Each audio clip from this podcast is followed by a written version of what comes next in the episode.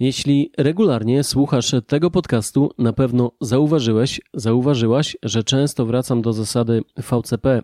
Dlaczego? Ponieważ stanowi ona nieodłączny element świadomego uprawiania networkingu. Dziś mam dla Ciebie trochę matematyki. Pokażę Ci, jak można obliczyć efektywność networkingu i jak koncepcja VCP wpływa na poprawę wspomnianej skuteczności.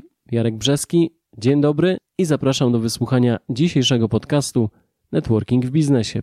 Zacznijmy od krótkiego przypomnienia. VCP równa się widoczność, zaufanie, zyskowność. Jest to proces, który podczas uprawiania networkingu wykonujemy za każdym razem. Budujemy swoją widoczność, wypracowujemy zaufanie wśród naszych partnerów i dopiero wtedy oni zaczynają nas polecać innym. Pamiętaj jednak, że nie wolno ci pominąć żadnego z etapów. Wyobraź sobie, że dołączasz do grupy networkingowej, w której obowiązuje zasada zakazu sprzedaży naszych usług, produktów członkom tejże grupy. Możemy sprzedawać tylko poprzez nią dzięki polecaniu nas przez jej członków innym osobom. Pomyślałeś, że to bez sensu? Kiedy zarobię? W czym mi ta grupa pomoże? Lepiej byłoby, gdybym mógł, mogła sprzedawać swoje usługi moim kolegom z grupy od razu, natychmiast. Niestety jest to często spotykane myślenie osób wchodzących w świat networkingu. Aby zmienić myślenie i nastawienie, najłatwiej będzie na liczbach pokazać sedno networkingu. Kiedy sprzedajesz swoje usługi, produkty wewnątrz grupy, przechodzisz z widoczności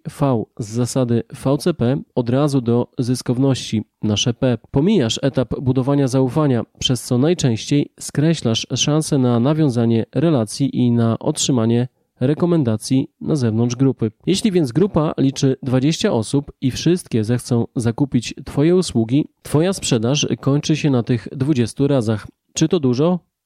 Raczej nie. Jeśli dasz się poznać członkom Twojej grupy, zbudujesz zaufanie, nawiążesz głębsze relacje, oczywiście to wymaga czasu, to będą Cię oni polecać do swoich kontaktów. Będą wiedzieli, że można na Tobie polegać, że rzetelnie wykonujesz swoją pracę. Jeśli każda z tych 20 osób w ciągu pół roku poleci Cię trzem osobom, to otrzymasz aż 60 możliwości biznesowych. Oczywiście powyższe wyliczenia opierały się o stuprocentową skuteczność, której osiągnięcie nie jest realne. Przejdźmy więc do liczb, które są do zrobienia. Sytuacja pierwsza. Sprzedaż z pominięciem C, czyli zaufania. Czas procesu Dwa miesiące. Grupa liczy 30 osób. Chcesz sprzedać swoje usługi, produkty członkom tej grupy. Zakładamy, że masz dużą skuteczność oscylującą wokół 20%. Sprzedasz więc swoje usługi, produkty sześciu osobom. Jeśli faktycznie jesteś dobry w tym, co robisz, istnieje szansa, że zostaniesz polecony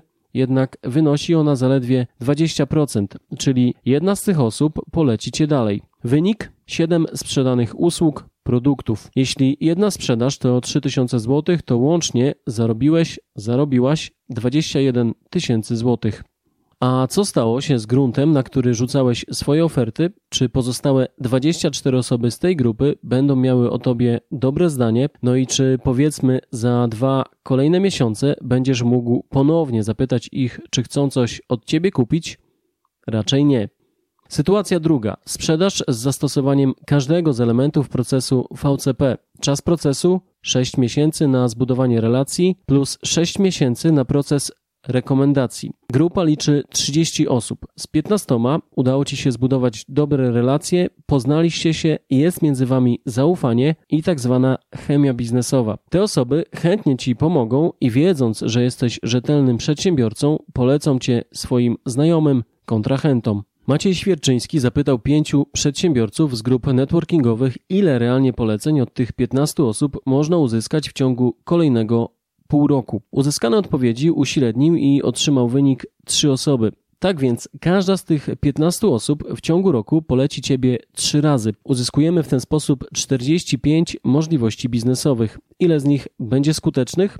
To zależy od wielu czynników. Statystycznie prawdopodobieństwo sfinalizowania rekomendacji biznesem wynosi 75%, a to oznacza, że dokonasz sprzedaży 33 razy, ale to nie koniec. Jeśli wykonasz powierzone ci zlecenie na najwyższym poziomie, zyskasz wiarygodność również w oczach swojego zleceniodawcy. Z tych 33 biznesów uzyskasz dzięki temu kolejnych 6 poleceń, a co za tym idzie, w ciągu roku zrealizujesz 39 biznesów. Jeśli zatem jedna sprzedaż to 3000 zł, to łącznie zarobiłeś, zarobiłaś 117 tysięcy złotych. Co dalej? W tym przypadku kontynuujemy budowanie relacji. Możemy je nawiązać z pozostałymi 15 osobami z grupy. A przede wszystkim ten grunt nigdy nie wysycha. Będzie on wydawał plony tak długo, jak długo nie zaniechasz dbałości o niego. Jest to więc idealne rozwiązanie, by zapewnić sobie regularny przypływ klientów. Co sądzisz o dzisiejszym podcaście?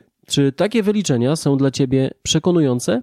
Jak często sięgasz po zasadę VCP w swojej działalności biznesowej? Daj znać w komentarzu. A kolejny podcast już za tydzień. Do usłyszenia.